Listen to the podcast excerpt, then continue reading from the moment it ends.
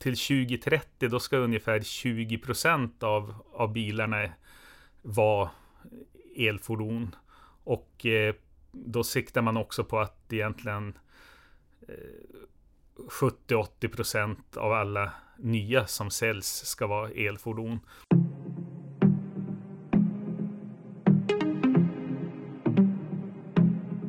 Elbilen är en allt vanligare syn på våra gator och de flesta stora biltillverkare satsar stort just nu på elbilar.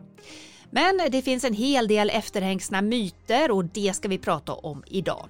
Hur står det till med räckviddsångesten? Hur ska man tänka när man vill köpa elbil? Och eh, vad är mest klimatsmart?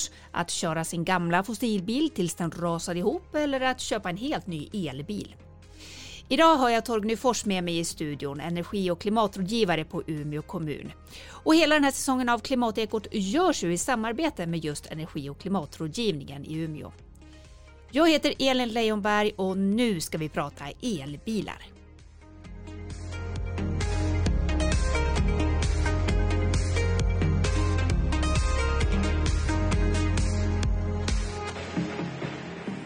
Det finns ju ändå flera olika alternativ att välja mellan.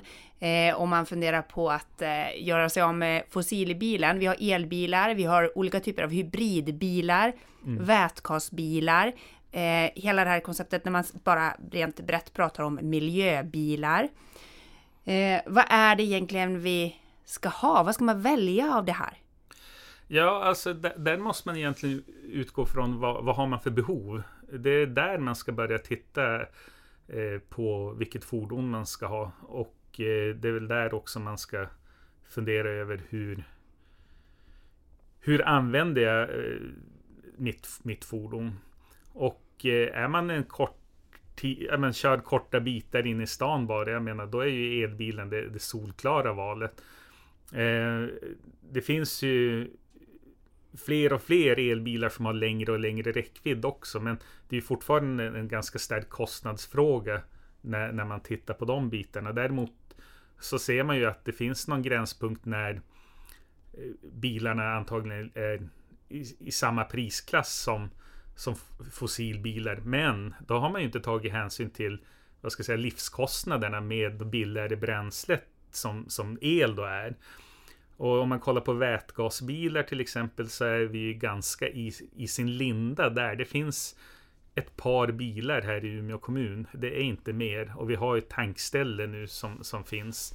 Eh, men eh, det, det, får egentligen bara användas utav, utav det företag som har satt upp det, det tankstället. Och då är det ju lite begränsande om att man ska skaffa en sånt fordon nu. Men ser man på EUs planer på hur man ska sätta upp eh, vätgastankning runt om och hur man ska till exempel ta tillvara på överskottselen från, från förnyelsebara energikällor när man inte har behovet utav det. Då finns det ju en annan tanke på sikt hur det ska kunna användas här. Men, men så ser det ju inte ut just nu. Så att det, det, ja, det, det beror på när behöver jag fordonet? Hur, hur ska jag använda fordonet? Och eh, väntar jag på någon ny teknik för att det kommer att, att ja, men, eh, i, i, dagsläget så finns det inte fordon som passar mig, men det kommer. Och där finns det fler och fler alternativ som kommer att passa allt fler användningsområden. Så, så ser det ut. Men finns det några fördelar med en vätgasbil framför en elbil exempelvis? Ja, just nu så är ju stora är ju räckvidden och sen att det, det är ju snabbtankat jämfört med, med att ladda där det finns. Sen nackdelen just nu är att det, det är begränsad infrastruktur för vätgas här uppe i norr. Och eh, det kommer förhoppningsvis att åtgärdas på, på några års sikt. Men, men verkligheten är det att i, i nuläget är det besvärligt att kunna ha en vätgasbil för att det finns bara en, en tankstation helt enkelt. Men jag tänker att vi ska prata lite om hybridbilar också. Mm. Eh, det finns lite olika varianter. Kan inte du bara reda ut begreppet hybridbil? Ja men hybridbil det är ju, det är en, eh, en bil med eh, man kan säga två två motorer. Det, den, den har en, en fossildel som då beroende på hur det ser ut, ja, men gör, eh, använder den, den vanliga traditionellt fordonsbränsle till att då göra el och så kör man med, med, med till exempel en elbil. Eller också har en, en extra tillsats som ger en, en el eh, energipush med, med, från elbilen också. Och, och det, det, finns lite olika sorter, men, men de har ju två bränslen. Man kan ladda kortare sträckor och köra med el och sen har du det traditionella bränslet att köra, köra längre sträckor på. Då. Och det kan man ju säga är en, eh, vad ska jag säga, en, en, eh, en övergångsteknik helt enkelt, där man då just genom att kunna använda el på de korta sträckorna och kanske inte främst vid acceleration och liknande får tillgodoser alla de här korta sträckorna som man då helst inte ska köra bil om, om man kan undvika. Och måste man köra bil, ja men då är ju el ett bättre sätt. För det är ju tätbebyggt, det blir mindre avgaser och det, de bitarna också eh, i miljöaspekten på, på det hela. Eh, ser man på, på längre sikt så kommer de väl antagligen att ersättas i största delen. Men då finns ju där fönstret hur många kommer gå på förnyelsebara bränslen där och de kommer kanske antagligen att vara eh, de hybridbilarna på sikt som finns kvar. Att du kör el kombinerat med ett förnyelsebart bränsle då. Eh, om man ska spekulera lite. För det är ju inte heller så med en hybridbil eh, vad jag förstod när jag höll på att läsa på lite kring just hybridbilar, mm. att du kan välja att den alltid ska gå på el, utan just som du säger, om, om man accelererar, då startar fossilmotorn. Om man behöver värme i bilen, startar fossilmotorn. Ja, det nu, jag ska säga, jag är inte, eh, inte helt expert på, på de bitarna, utan det finns ju flera olika sorters hybridbilar som har lite olika lösningar. Eh, men det man ser är ju att vi har ju, om vi ser de två, det kanske var där du funderar. De två stora har vi plug-in laddhybrider. Och sen har vi vanliga batterihybrider. Och de eh, batterihybriderna kan du inte ladda med el från nätet som en plug-in hybrid. Och då är ju den helt beroende på att du, du laddar den med, med eh, den traditionella förbrän, förbränningsmotorn då helt enkelt under tiden du kör. Och sen ja men då när det är fullt då kan du ju ha de här bonuseffekterna då inne i stan och de bitarna. Men du har ju en väldigt smutsig tillverkad el när du har gjort, gjort den med, med det fossila bränslet helt enkelt. Och där, där tror man ju att den typen av hybridbilar kommer ju antagligen inte att finnas kvar på, på sikt. Utan då är det ju plug-in hybrider som man ändå kan ladda fullt från nätet när man behöver. Och sen använda den biten. Och i nödfall, ja men då då, då tar man eh, energin från, från fossilbränslet. Eller när du är ute på långkörning och kör. Så att eh, så ser det väl ut. Elbil i ett klimat som Umeå, funkar det? Det fungerar. Eh, för att vi har ju inte jättekallt året om. Och eh, även när det är kallt så, så fungerar det men du får ju en sämre räckvidd. Och där är det ju som, som med det jag pratade om tidigare, man måste planera lite mer hur, hur man använder sitt, sitt fordon. Och eh, vilka behov man har. Men eh, ja, men det, det, är en räckviddsbegränsning nu. Och, och, om vi då tar den här vätgasbilarna som vi pratade om tidigare, de eh, lider ju inte av det, den problematiken på, på samma sätt. Inte lika mycket i alla fall. Hur mycket påverkas batteriet av kyla? Ja, det beror på. Mellan eh, 10 och 30 procent kan det ju påverka. I alla fall vad, vad man ser eh, ganska normala minusgradstemperaturer här uppe. Sen är det riktigt, riktigt kallt. Ja, då kan ju räckvidden gå ner drastiskt. Eh, så att det får man ju vara, vara beredd på att det kanske är någon dag på året som man inte ska gå ut, eh, fara ut och köra sin elbil i sådana fall. Eh, för att då, då, har man, då har man alldeles för kort avstånd. Hur mycket påverkas det av väglaget som att det är mycket snö eller slask och så vidare? Ja, men där är det ju också att ju mindre friktion du har och, och lätt, ja, men lätt, mer lättkört det är, desto bättre räckvidd har du. Men jag har inte i huvudet exakt hur stor skillnad det, det, gör. Det, det, har jag inte. Men stora delar av året så ska det ändå funka problemfritt, tänker du eller? Ja, eh, som sagt, nu, nu kommer jag inte ihåg exakt i huvudet, men det är där kring några minusgrader som man ser att man i snitt har, har eh, börjar närma sig 10 procents eh, minskning i räckvidden. Men eh, vi har ju ändå större delen utav året som, som vi ligger över nollan i alla fall. Och sen då är det ju, ju kallare det blir desto, desto mer eh, påverkar det räckvidden. Och det, det beror ju på att batterierna har ju, har ju tillverkats för att ha en, en optimal temperatur och det är kring 20 grader då de ska fungera som bäst. Blir det för varmt så påverkar det och blir det för kallt så påverkar det. Och de, de behöver den här äh, i kylan en ja, men en inre värme för att, att, kunna fungera och då är det ju ett motstånd och då tappar man ju räckvidden för att de den ska få sin temperatur helt enkelt. Vet du om det pågår något typ av utvecklingsarbete för att batterier ska kunna fungera bra i kallare klimat också? Jag tror att vi är för liten del utav, utav marknaden. Eh, jag känner inte till någonting eh, rent försök där. Men eh, jag tänker så här att ju, ju vanligare elfordonen blir, desto... Ja, vi ser ju redan nu att det kommer fler och fler sorter. Så att eh, till slut så kommer väl det också spela in. Eh, men då är frågan, ska vi ha verkligt optimerade för minusgrader om vi nu bara har minusgrader 3-4 månader per år? Eh, ja, det, det, kan man ju fundera på. Är, är, är, det, är det värt eh, den? För det kommer vi få nackdelar på andra grader då i sådana fall istället.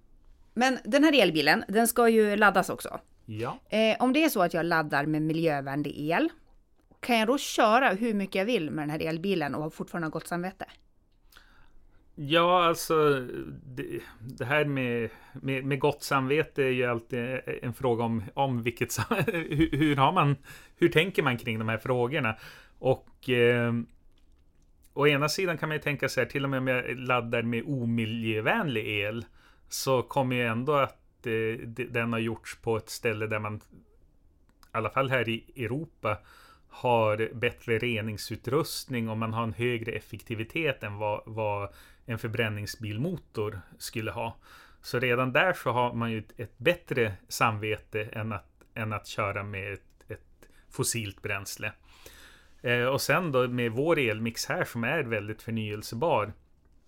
Ja, utifrån det så blir det ju väldigt mycket mindre miljöpåverkan. Samtidigt är det ju lite som man sa, hur använder jag mitt, min bil? Och då har vi inte sagt att man, jag ska aldrig köra någonstans, utan man får mer tänka efter kanske vad, vad, vad måste jag åka och vad, vad kan jag välja för transportsätt dit? Och sen är vi ju vi, vi är ju ganska bekväma utav oss som, som människor och då eh, då är det ju ja men kanske just nu så att ja men jag vill ta mig någonstans, jag vill åka, ja då blir det bilen. Ja det är klart, då är det mycket bättre att man kör med elbilen, den biten.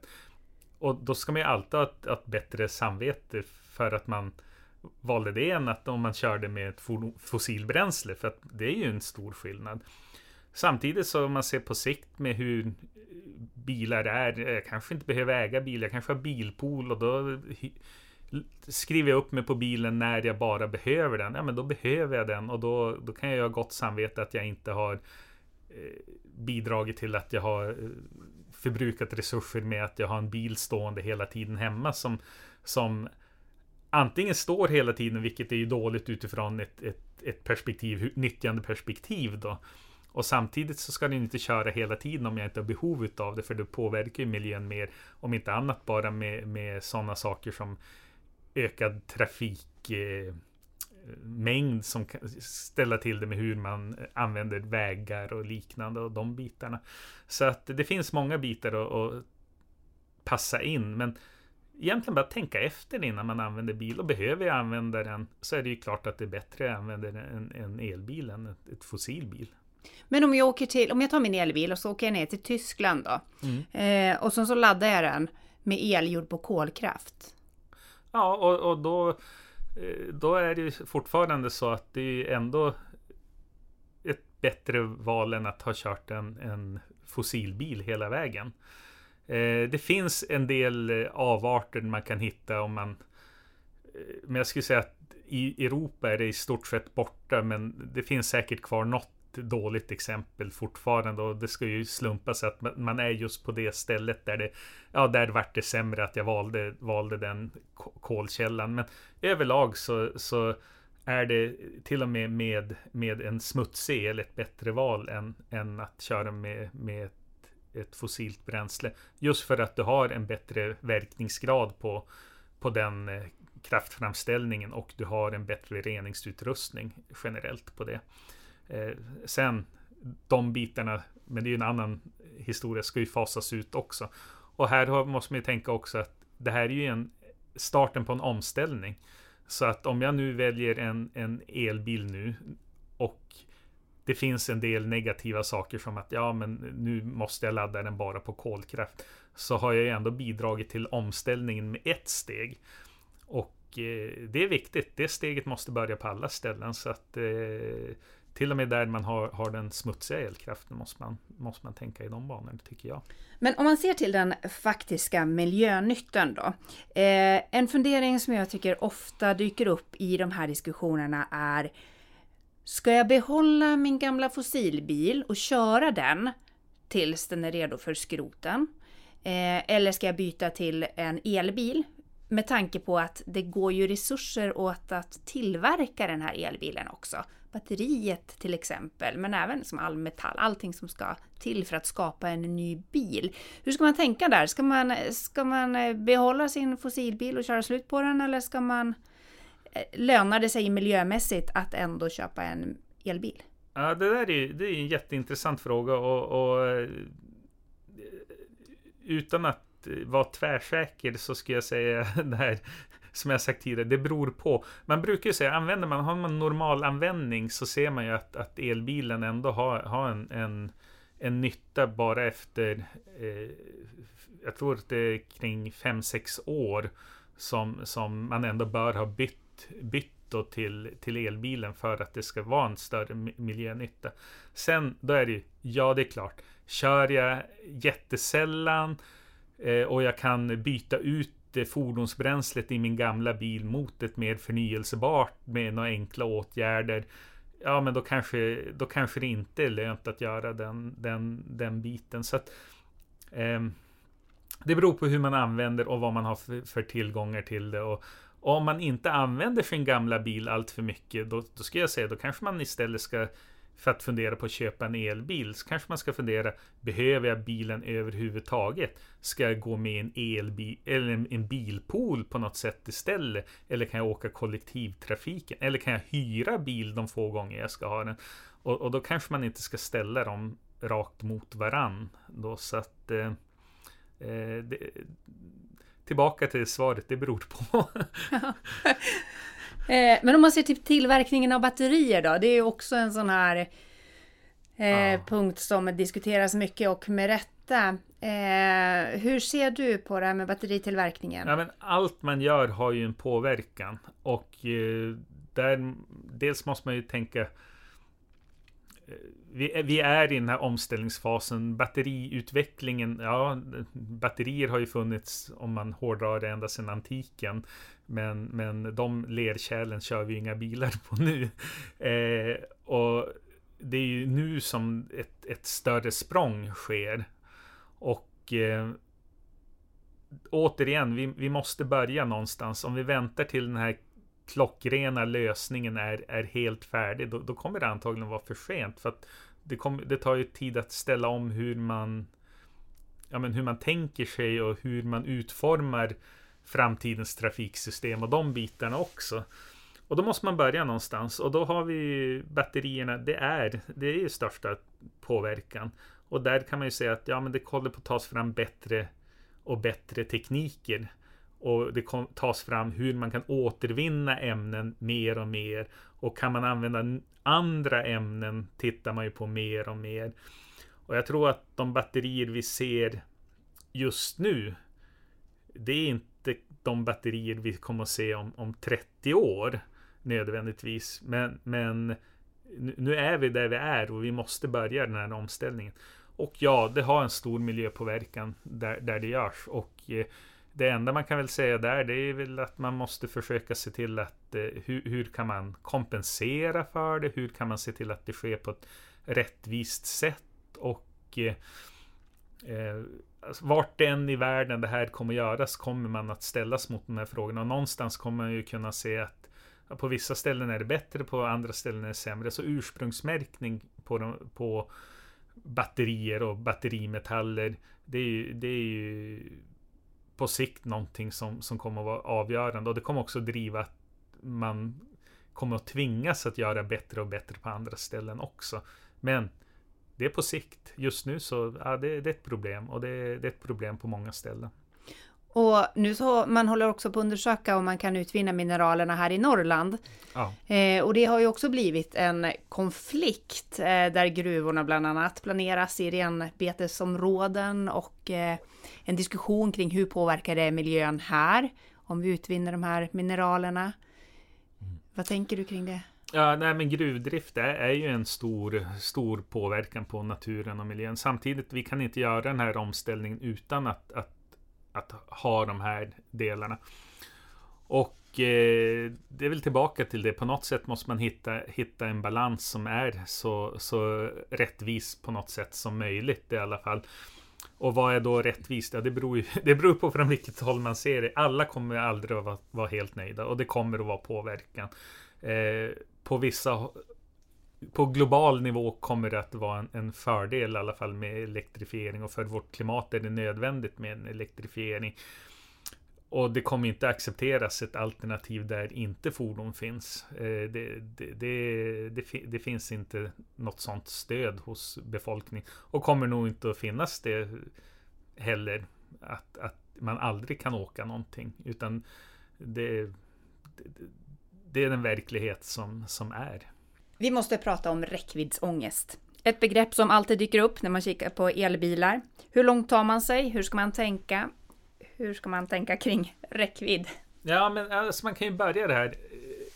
En fördel med, med elbilen som man kanske inte pratar om så ofta, även, även om själva delen med laddning hemma nämns. Så där har du ju en räckviddsförstärkare. Du kan ju i princip alltid vakna med fulltankad bil när du har en elbil.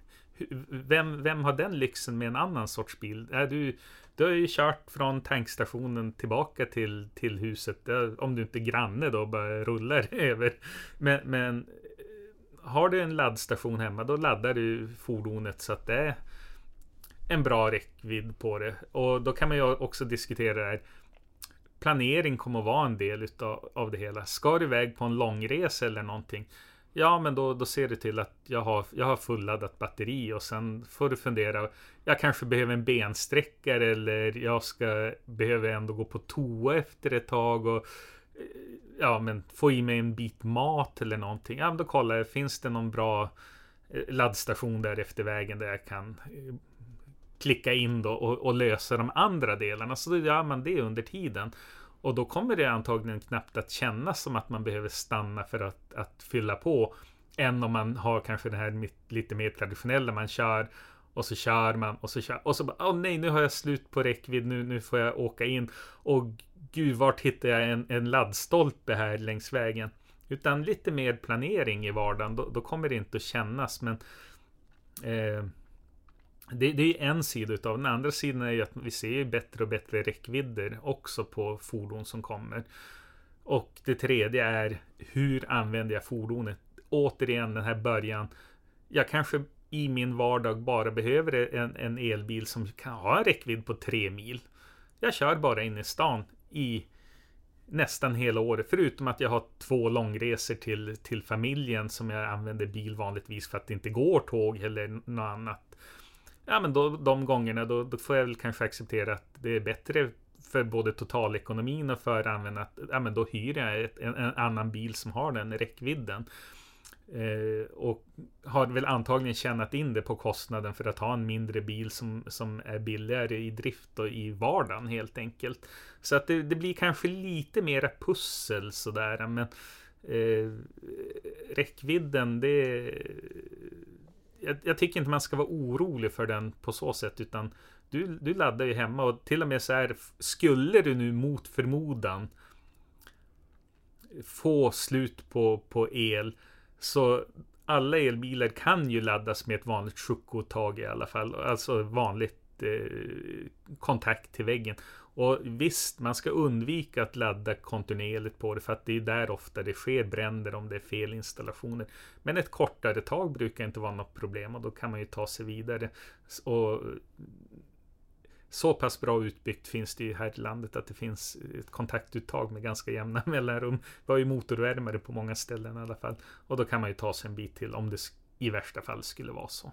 Kan man koppla in sin laddkabel i motorvärmarstolpen? Ja, de, de flesta har ju så kallat sjukkotag, att man kan eh, använda ett, ett sånt med en, en eh, det finns en sån anslutning till elbilen så att man kan, kan koppla in sig med antingen från bilen eller att det till och med kan finnas ett, ett, ett vanligt uttag på det. Men det finns ju den lösningen och, och, det är klart för nödläge bör man ju se till att det finns med i sin, sin elbil så att det, man kan ladda på det sättet. Men givetvis ska man ju alltid när man kan och när man planerar använda godkända laddstolpar just utav de här eh, säkerhetsskälen och försäkringsskäl ifall någonting skulle hända. När man ska ladda hemma, då är det att föredra att ha en laddbox installerad? Ja, absolut. Och det inte minst för att har man nu bara ett gammalt vanligt motoruttag, de är, kan vara effektbegränsat, kan vara gam, gammalt, det blir, upp, det blir helt annan värme i, i de systemen när man laddar med så hög effekt under så lång tid. Den kanske är gjord för att ladda med den effekten, men då kanske den är gjort för motorvärmaren i en halvtimme. Om du står hela natten och, och, och laddar på, då blir det en helt annan värmeutveckling och då kan det bli följdfel. Det kan börja brinna på olika ställen och då är det ju dessutom så av försäkringsskäl så ska man ju ha, en, ha använt ett godkänt ladduttag då. Eh, och eh, så att det, det, ska man ha en, en laddbox i sådana fall.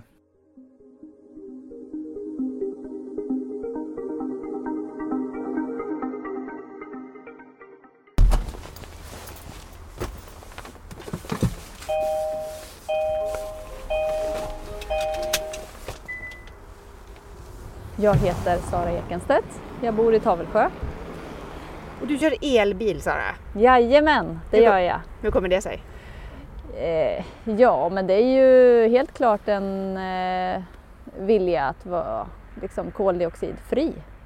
Att kunna vara fri och ha en bil och köra dit jag vill men inte behöva grubbla över om den släpper ut en massa fossilt koldioxid. Var det ett stort steg att ta?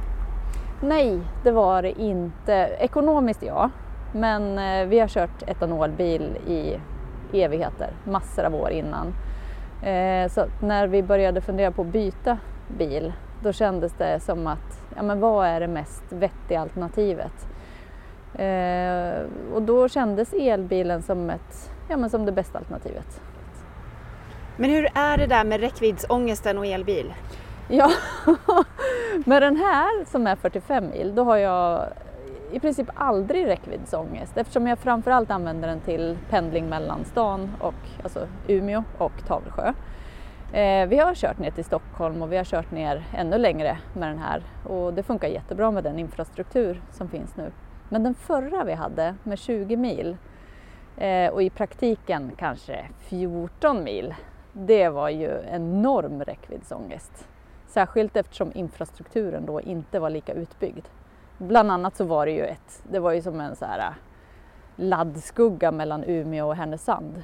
Så det var ju, vi tog med oss tält och fick tälta på Höga Kusten för att kunna ta oss till Stockholm. Ja, då var det, då var det räckviddsångest deluxe. Men med den här, inget sånt. Hur upplever du ehm, utbyggnaden nu då av, eh, av eh, laddstolpar? Eh, väldigt bra om du åker söderut. Jag tror att den laddplatsen som är längst norrut är i Töre utanför Luleå. Eh, därefter blir det nog svårt. Eh, men det är klart, det går ju det går inte att köra långt då. Eh, inlandet är ju också svårare, men det är mycket mer utbyggt. Men ärligt talat har inte jag testat inlandet så mycket. Jag vet att vi kan ju köra till fjällen, alltså Hemavan då, som är de fjällen vi oftast och helst åker till härifrån.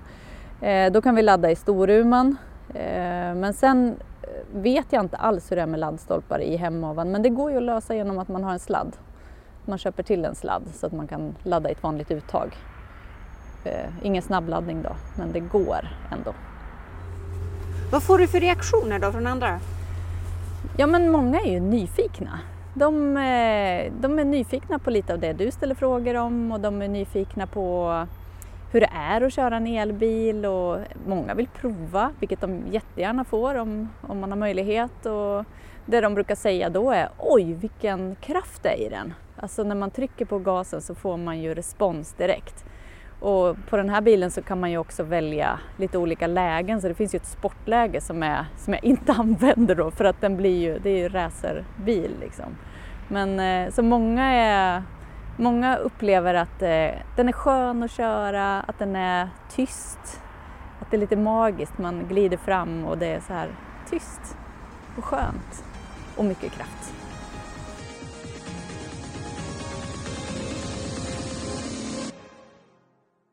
Utbyggnaden av laddstolpar har ökat rejält de sista åren. Jag såg en siffra på att det idag finns 12 gånger fler laddpunkter i Norr och Västerbotten jämfört med för fyra år sedan. Och just nu så är det inga större problem om man vill köra längs Norrlandskusten till exempel. Det finns gott om laddstationer. Men däremot om man ska inåt landet, då blir det genast ett problem om vi ska åka till Hemavan, Tärnaby. Eh, hur ska man tänka då? Ja, återigen, det här, det här är ju sin början och eh, man måste planera lite hur det ser ut. Och det kommer ju till fler och fler och det, det finns längs affärer på vägen, det finns på parkeringsplatser och det finns lite överallt. Så så att med, med, med rätt planering går det att lösa. Sen är det ju ett problem kanske om man åker upp på någon storhelg eller påsk och så är det flera som har åkt och planerat och så ja, men får man vänta på sin tur på att ladda. Då kan det ju bli en helt annan bit. Och det, det är ju... Ja, det är en del i, del av omställningen och, och speciellt problematiskt där till vardags finns det inte så många användare. Det, det, är ett tillräckligt utbyggt system för de som bor och lever där i området. Men då när det är en semestertid eller mycket högre belastning, ja men i värsta fall får man överväga, ska jag låna en annan bil som det ser ut just nu? På sikt kommer det inte vara något problem tror jag. Men, men just nu så kan det vara det. Hur ser planerna ut på, inbygg, eller på utbyggnad av laddstolpar och laddinfrastruktur i inlandet? Ja, alltså det, det, pågår ju på, på, på flera, flera olika fronter och just de här flaskhalsarna. Ja, men kommunerna där är ju också intresserade av att få, få in eh, folk på de här högtiderna. Man vill ha turism och man vill eh, vill ju ha fungerande transporter. Så att eh, det byggs ut på både eh, um, oli många olika sätt. Det finns ju statligt stöd. det här CISEL har ju varit ett, ett laddprojekt med, med stad, stolpe in i stad och land.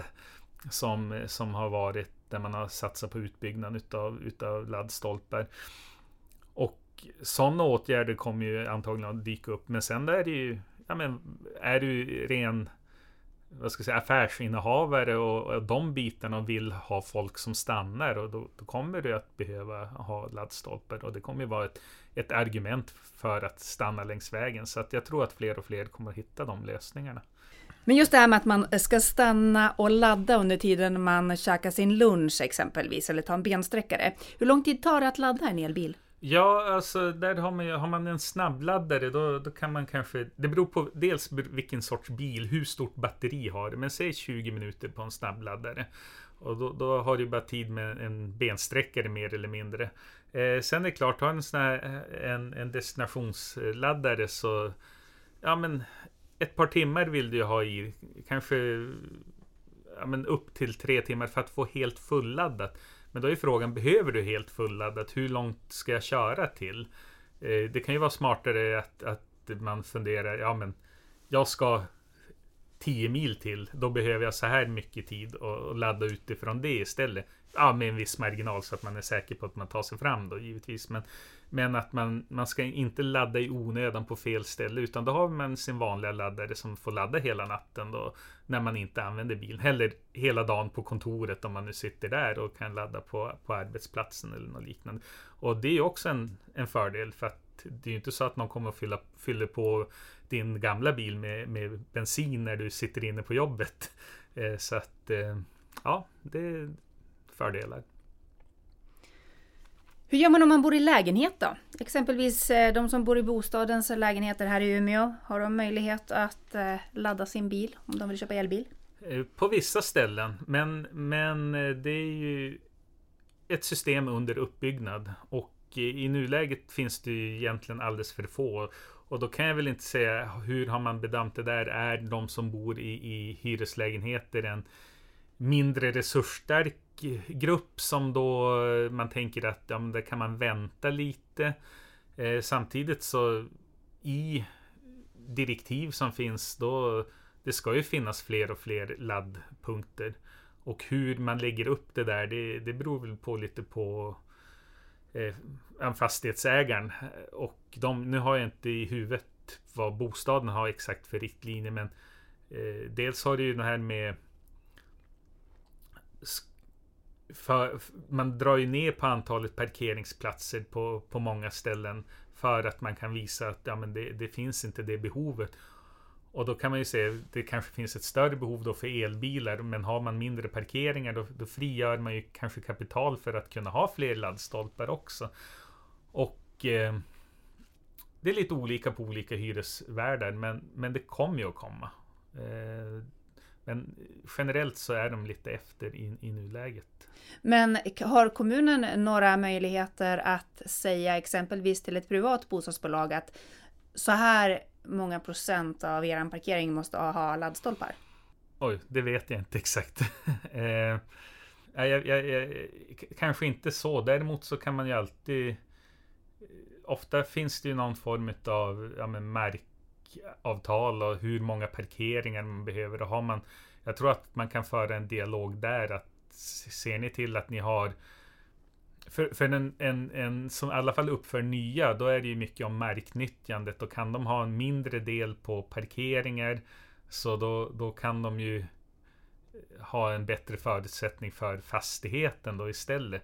Och då kan man ju säkert styra där att ja men okej, ni får ha lite mindre parkeringar, men då måste ni se till att det finns laddstolpar också. Jag tror att det är en dialog i sådana, men jag vet inte exakt hur det ser ut tyvärr. Um, det har ju pågått, jag vet inte hur långt de har kommit, men jag vet att det har pågått eh, försök i Hammarby sjöstad som ju försöker att vara i Stockholm. Som försöker att eh, vara klimatneutrala.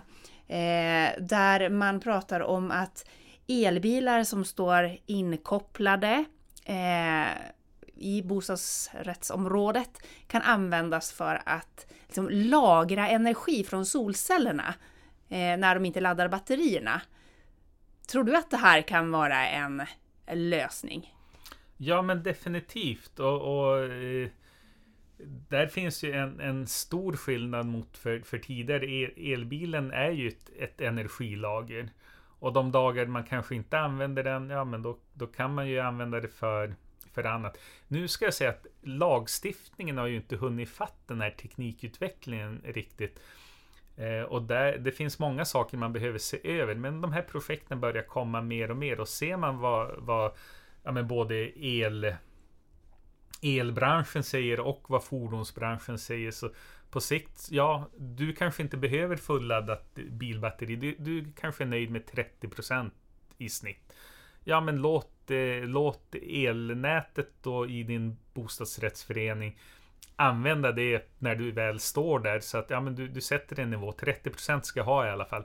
Resten kan vara, handla om att ja, men du, du skyddar din bostadsrättsförening mot effekttoppar så att du kan säkra ner och då får du billigare avgifter på det sättet. Eller till exempel att det kommer mer så här, man pratar om prosument, att man är både producent och konsument samtidigt. Att ja, men vi säljer lite el då, och köper in lite el eh, ett annat tag. Men där måste både lagstiftning och eh, vad ska jag säga, vad heter det? modeller för hur det här ska ske på, på ett på ett sätt, alltså att man, man, man kan bedriva handel på det här sättet. Och där är ju sådana här försök jättebra. Och det kommer att komma fler försök på olika ställen. Eh, med, med, hur det här ska lösas. Så att eh, på sikt, ja, det, det kommer vara, vara, vara ett steg. Och bostadsrätten är väl ett sätt, men även du som husägare med solceller på taket eh, och eh, hur du använder din el. Det, det kanske blir så att ibland vill du stå med bilen för att det lönar sig så bra med, med, med elpriserna att du, du använder det på ett annat sätt då de dagarna. Kan bli. Mm. Jag tänker att vi ska återgå till det här med batteriet mm. eh, och räckvidd. Och stort kontra litet batteri. Eh, många av de bilar som kommer nu, de tar sig ju 50 mil. Eh, men då blir bilen också mycket tyngre, drar mer energi. Hur ska man tänka kring det här om, med räckvidd och eh, liksom hur stort batteri man ska ha om man vill köpa en elbil? Ja, men egentligen ska man ju med de här bitarna, man ska fundera hur kommer jag använda fordonet? Ska, ska man ha för säkerhets skull eller ska man ta det som är mest användbart för hur man lever sitt liv? Någonstans bör man ju alltid reflektera i eh, hur, hur ska jag använda det här innan man, man köper någonting? Och eh, i det fallet där, där jag bara kör in i stan hela tiden och jag kör bara någon mil. På sin höjd kanske man åker och hälsar på någon, någon bekant tre mil bort så att, på, på sin höjd. Ja, men då behöver man ju ett litet batteri. Det är där man ska lägga invägningen. Vilka vanor har jag? Vilka behov har jag? Ska jag ändra något på vanorna eller ska jag sikta in mig på eh, fordonet att jag verkligen är garanterad en gång per år, då åker jag 30 mil. Ska jag ha den räckvidden alltid då? Ja, kanske om, du, om man har det behovet och att det, det ser ut på det sättet. Men har jag inte det behovet, då ska jag välja så litet som möjligt.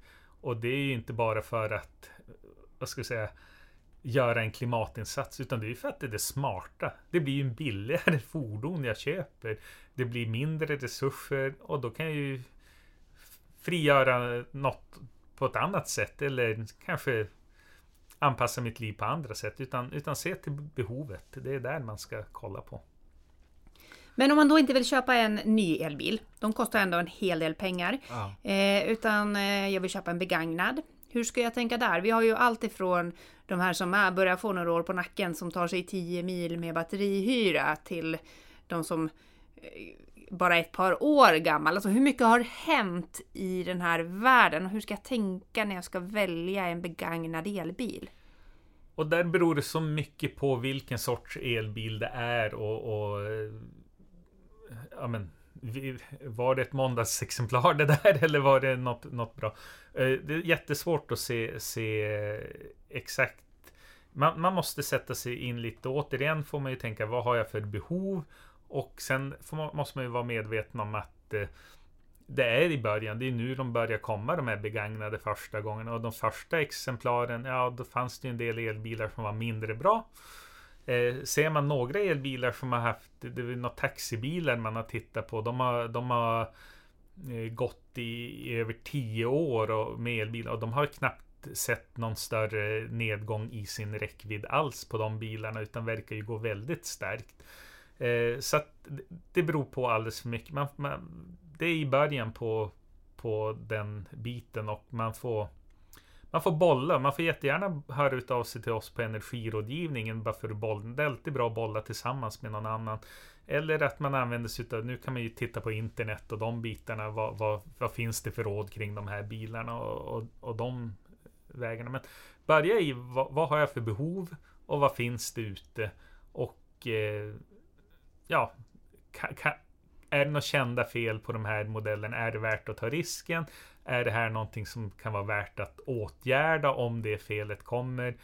Ja, det, det är lite sådana saker man måste ta ställning till.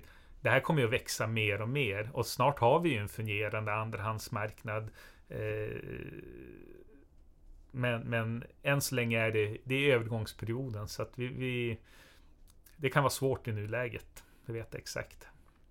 Om klimatmålen ska nås och vi ska få ner utsläppen så kräver det ju att eh, fler faktiskt kör elbilar. Men de kostar ju en del pengar att köpa in och det här ansvaret läggs ju på individen. Hur tänker du kring det? Ja, men man kan ju se det från flera håll. Dels så finns det ju stöd för, för elbilar och bilar som är förnyelsebara. Eh, dels så kan vi säga att det alltid varit lagt på individen om den skaffar ett, ett fordon. Man, man måste ju Eh, ha, ha råd med det helt enkelt innan man kan skaffa det. Och det är ju ingen skillnad med det här också. Eh, där är det väl mer att det här öppnar upp för andra modeller som man inte riktigt har sett förut. Eh, om vi börjar bara rent med prisbilden så ser man att man har ju mycket lägre kostnader med bränsle och liknande med, med elen. Och det gör ju att du får en annan livskostnadsanalys eh, som man bör ta in mer noggrant med, med, med det här. Och där har man ju på vissa ställen sagt att nu har vi passerat break-even där, alltså att det är billigare på sikt att ha ett, ha ett elfordon än att ha, ha ett biobränslefordon med den dyrare kostnaden i inköp. Och sen ser man ju att man ser ju ofta att just eh, själva priset på att köpa fordonet, ja det är några år framåt, då kommer den också att, att ligga eh, i, i samma prisklass då. Då, då är det ytterligare gynnsammare. Men med teknikutveckling, med um, självkörande bilar och de bitarna så kommer det fram att bilarna kan nyttjas på ett annat sätt. Det kommer finnas möjlighet med bilpooler, det kommer finnas eh, det här batteriföretaget som nu etablerar sig här uppe i, i norr, deras eh, VD hade ju en vision om att ja men det kanske bara är ett fåtal som äger bilarna men bilarna kanske kör omkring och kan istället för att stå oanvända på parkeringen så, så blir det en nytta som folk kan använda till en viss kostnad om det finns rätt arbets eller affärsmodell givetvis. Då. Men vi kommer att se andra lösningar på hur transportproblemen löser sig och man kommer möjligtvis lite till mans att vara beredd att använda bilen på ett annat sätt. Så att, eh, Eh, men där vi är idag just nu, då är det ju bilen, det är något jag har själv. Alltså det är ju ens egen bil. Och utifrån det perspektivet så ja, det är dyrt. Men det är dyrt att skaffa ett, ett, ett, ny bil. Begagnade bilar, ja det börjar dyka upp elbilar. Det, det är klart det finns begagnade elbilar, men det är inte så mycket. Och det är för att tekniken har inte kommit så långt riktigt än och de som de som säljer elbilar, eller ja, det, det, finns men det är inte så, så många procentuellt sett. Men det, det kommer ju öka ju fler elbilar det kommer in, desto fler kommer att kunna säljas begagnat. Och desto fler affärsmodeller för uppfräschning emellan. Vad ska man se över? Batterier och byte av batterier och livslängd av batterier. Det, det där det pågår ju och det kommer också bli om inte billigare och billigare så i alla fall enklare och, och fler lösningar att välja mellan, ska jag säga. Slutligen då. Vad vill du ge för råd till den som funderar på att eh, köpa sig en elbil? Ja, det är väl det jag har sagt tidigare. Tänka över sitt behov. Vad har jag för behov utav för fordon? Eh, behöver jag fordon dagligen? ja, då, då behöver jag ett fordon dagligen. Vilka sträckor ska jag åka? Ja, men Använder jag nu fordonet till långkörningar varje vecka, ja men då måste jag se till att jag skaffar ett fordon som har den förutsättningen också. Eller att man själv har det beteendet att jag stannar ändå efter halva vägen och då, då laddar jag fordonet för att jag, har, jag brukar äta lunch där eller göra de bitarna. Tänk över beteendet och vilket behov jag har och då kommer också vilken sorts bil jag behöver att, att utkristalliseras. Och bolla gärna med någon. Kan bolla Alltså det är, det är kanske lätt att bolla med bilhandlaren men den kommer ju alltid att hitta en, en, lösning. Men bolla med någon oberoende och bolla gärna med oss på Energi och klimatrådgivningen. Stort tack för ett jätteintressant samtal om elbilar. Tack själv. Om du gillar Klimatekot så tipsa gärna dina kompisar och extra tacksam blir jag om du lämnar ett betyg i din poddspelare. Tryck också på prenumerera-knappen så riskerar du inte att missa några avsnitt. Nästa avsnitt det blir det sista innan sommaruppehållet och då ska vi prata om något som ofta både glöms bort och blandas ihop med klimatdebatten, nämligen biologisk mångfald. Vad är det för något? Vilka problem har vi idag och varför har vi dem? Och viktigast av allt, hur kan vi komma till rätta med de problemen? Det här är ett avsnitt som du absolut inte vill missa. Fram tills dess, ha det så fint.